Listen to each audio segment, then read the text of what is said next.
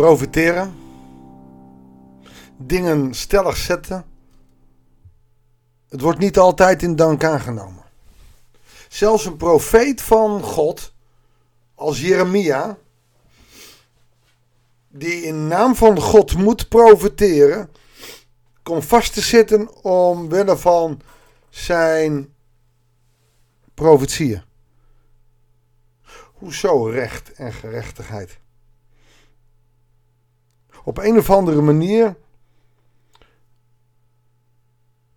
vinden we dat onrecht. Onrecht om, omdat je voor God werkt. En als je voor God werkt, dan zou dat toch bespaard moeten blijven. Nou, ik kan je wel vertellen, ik werk hele dagen voor God in het koninkrijk, in de kerk, maar ik kan net zo goed wat krijgen. Het is niet voorbehouden voor mensen die erg christelijk zijn of niet erg christelijk. Het is voorbehouden voor mensen die. voor alle mensen. Iedereen kan ellende krijgen. En het valt me op dat Jeremia dat niet bespaard blijft. Maar dat zien we ook bij Paulus. In de naam van God spreken en ondertussen de wind van voren krijgen.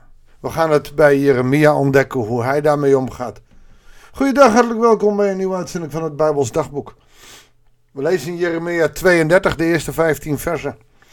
In het tiende regeringsjaar van koning Sedekia van Juda, het achttiende regeringsjaar van Nebukadnezar, de koning van Babylonië, richtte de Heer zich tot Jeremia. De troepen van Nebukadnezar belegerden Jeruzalem en de profeet Jeremia zat gevangen in het kwartier van de wacht. Dat tot het paleis van de koning van Juda hoorde. Want koning Zedekia had hem daar gevangen gezet omdat hij geprofiteerd had. Dit zegt de Heer, ik geef deze stad in handen van de koning van Babylonië. Hij zal haar innemen. Koning Zedekia van Juda zal niet aan de Galdeeën ontsnappen, maar aan de koning van Babylonië worden uitgeleverd. Hij komt oog in oog met hem te staan en zal persoonlijk met hem spreken. En dat wordt gezegd alsof het een eer is. Zedekia was niet blij met de profetie. En dus heeft hij Ampolsan, de profeet, maar even uh, vastgezet, gevangen gezet. En dat is verdrietig. Want je werkt in opdracht van God.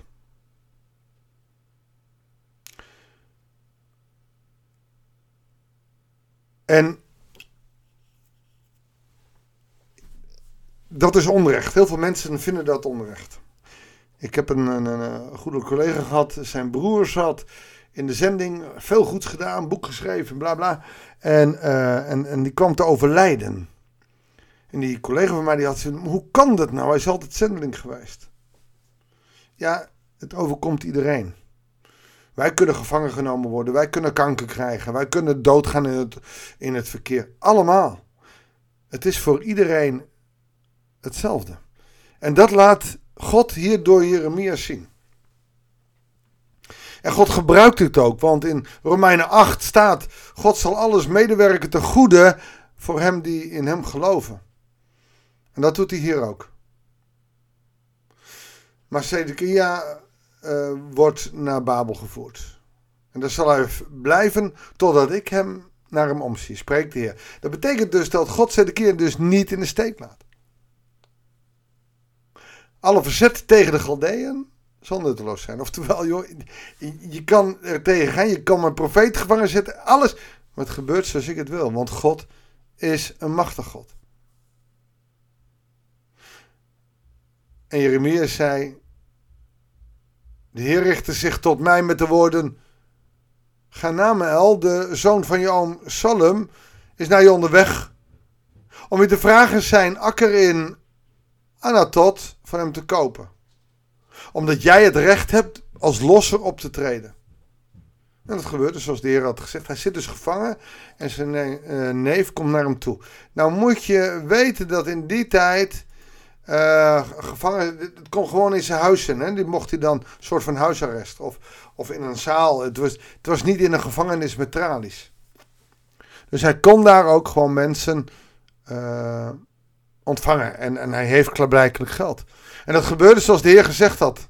Mijn neef Ganamel kwam naar het kwartier van de paleiswacht en vroeg mij: Koop alsjeblieft mijn akker in Anatot, in het gebied van Benjamin. Jij kunt als losser optreden en de grond in eigendom nemen. En ik, zegt Jeremia, begreep dat dit een opdracht van de Heer was. En kocht de akker van mijn neef Ganamel uit Anatot. Waarom is dit nou zo bijzonder? Als je gevangen zit, ga je geen grond kopen. Je gaat niet investeren. En God zegt: Ik wil dat je gaat investeren. Ik wil dat jij gaat investeren in de toekomst. Grotere hoop kan je niet krijgen. Je krijgt een koopcontract. Hier, daar ga je straks bouwen. Dit is je toekomst. Hier klinkt hoop uit. En hetzelfde als wat hij tegen het, volk in ballingschap had gezegd. Ga er huizen bouwen, ga trouwen, ga kinderen krijgen. Ga niet bij de pakken neerzetten. En dat is een prachtig beeld. Hoe Jeremia dat ook moet doen. Wat er ook gebeurt. Ik had eh, deze tekst eigenlijk een jaar geleden willen hebben. Ik heb er nooit aan gedacht. Maar of je nou corona hebt of niet, al is de hele pandemie, de hele wereld. Ga door met leven. Doe wat. Ga niet stilzitten. Dat is dit eigenlijk. Wat er ook gebeurt in je leven, blijf doorgaan. Want ik ben erbij. Ik gaf zowel het verzegelde contract waarin de bepalingen en voorwaarden waren vastgesteld, als het open contract dat aan Baruch, de zoon van Neria, de zoon van Machia, uh, dat ik ten overstaan van mijn neef Ganamel en de getuigen die het contract mede hadden ondertekend en in aanwezigheid van alle Judeërs die zich in het kwartier van de paleiswacht bevonden hij zit er dus niet alleen. En in hun bijzijn gaf ik Baruch de volgende opdracht. Dit zegt de Heer van de hemelse machten. De God van Israël. Stop deze contracten, zowel het gesloten als een open contract, in een kruik. Dan blijven ze lange tijd in goede staat. Nou, dat kennen we natuurlijk van uh, de kruiken die gevonden zijn. Uh, Qumran.